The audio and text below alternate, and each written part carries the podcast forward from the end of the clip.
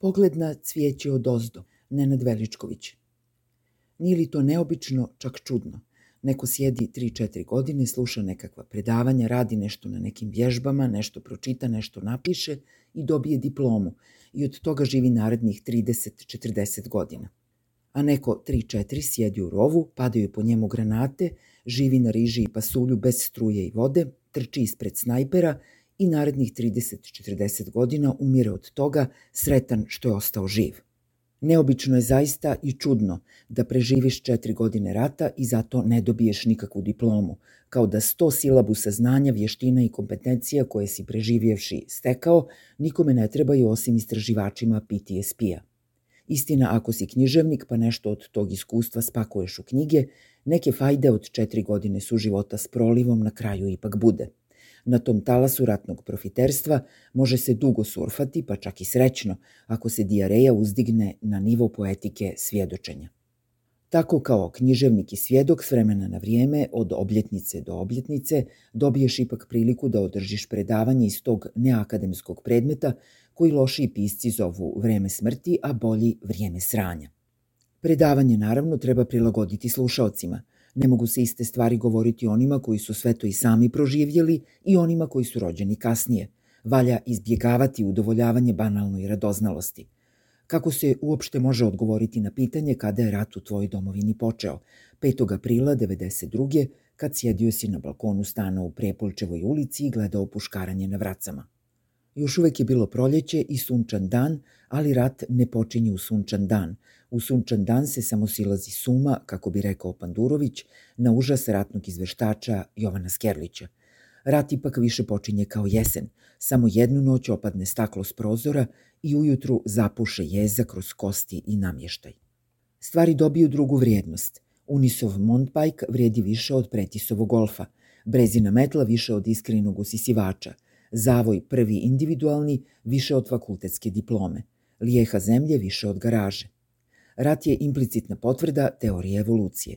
Ako se za nekoliko mjeseci čovjek vrati na stadiji neandertalca, šta bi mu bilo teško suprotan put prevaliti za par stotina hiljada godina. I odnos prema ekranu se promijeni. U ratu ga zamijeni puškarnice bunkera. Krajem proljeća slika bude puna trave i cvijeća koju gledaš od ozdo, kao da si već mrtav i slušaš predosećanje budućnosti Brane Petrovića.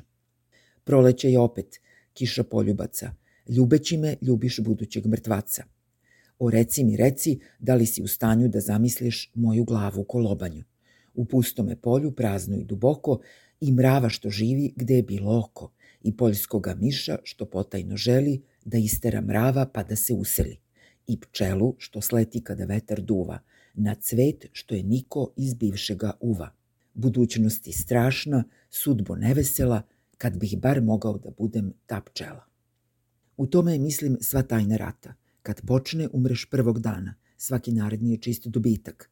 Treba gledati na njega kao na samoubistvo na kredit.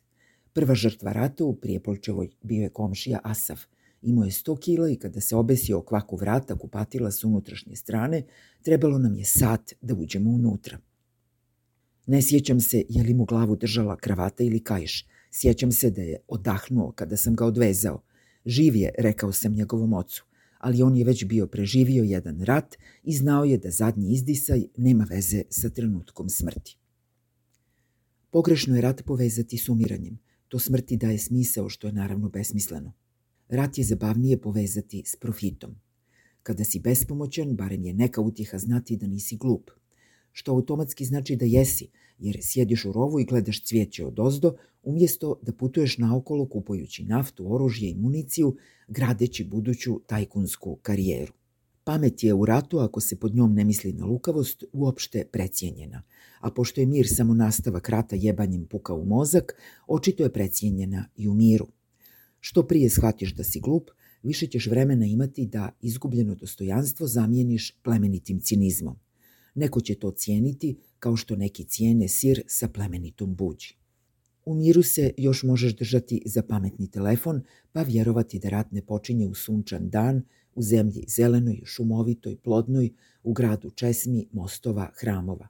Ali dok dlanom od lan, dok reci keks, dok trepni, dok izbrojiš do tri, Srbin, Hrvat, Bošnjak, Eto te u grobu s pogledom na cvijeće od ozdo.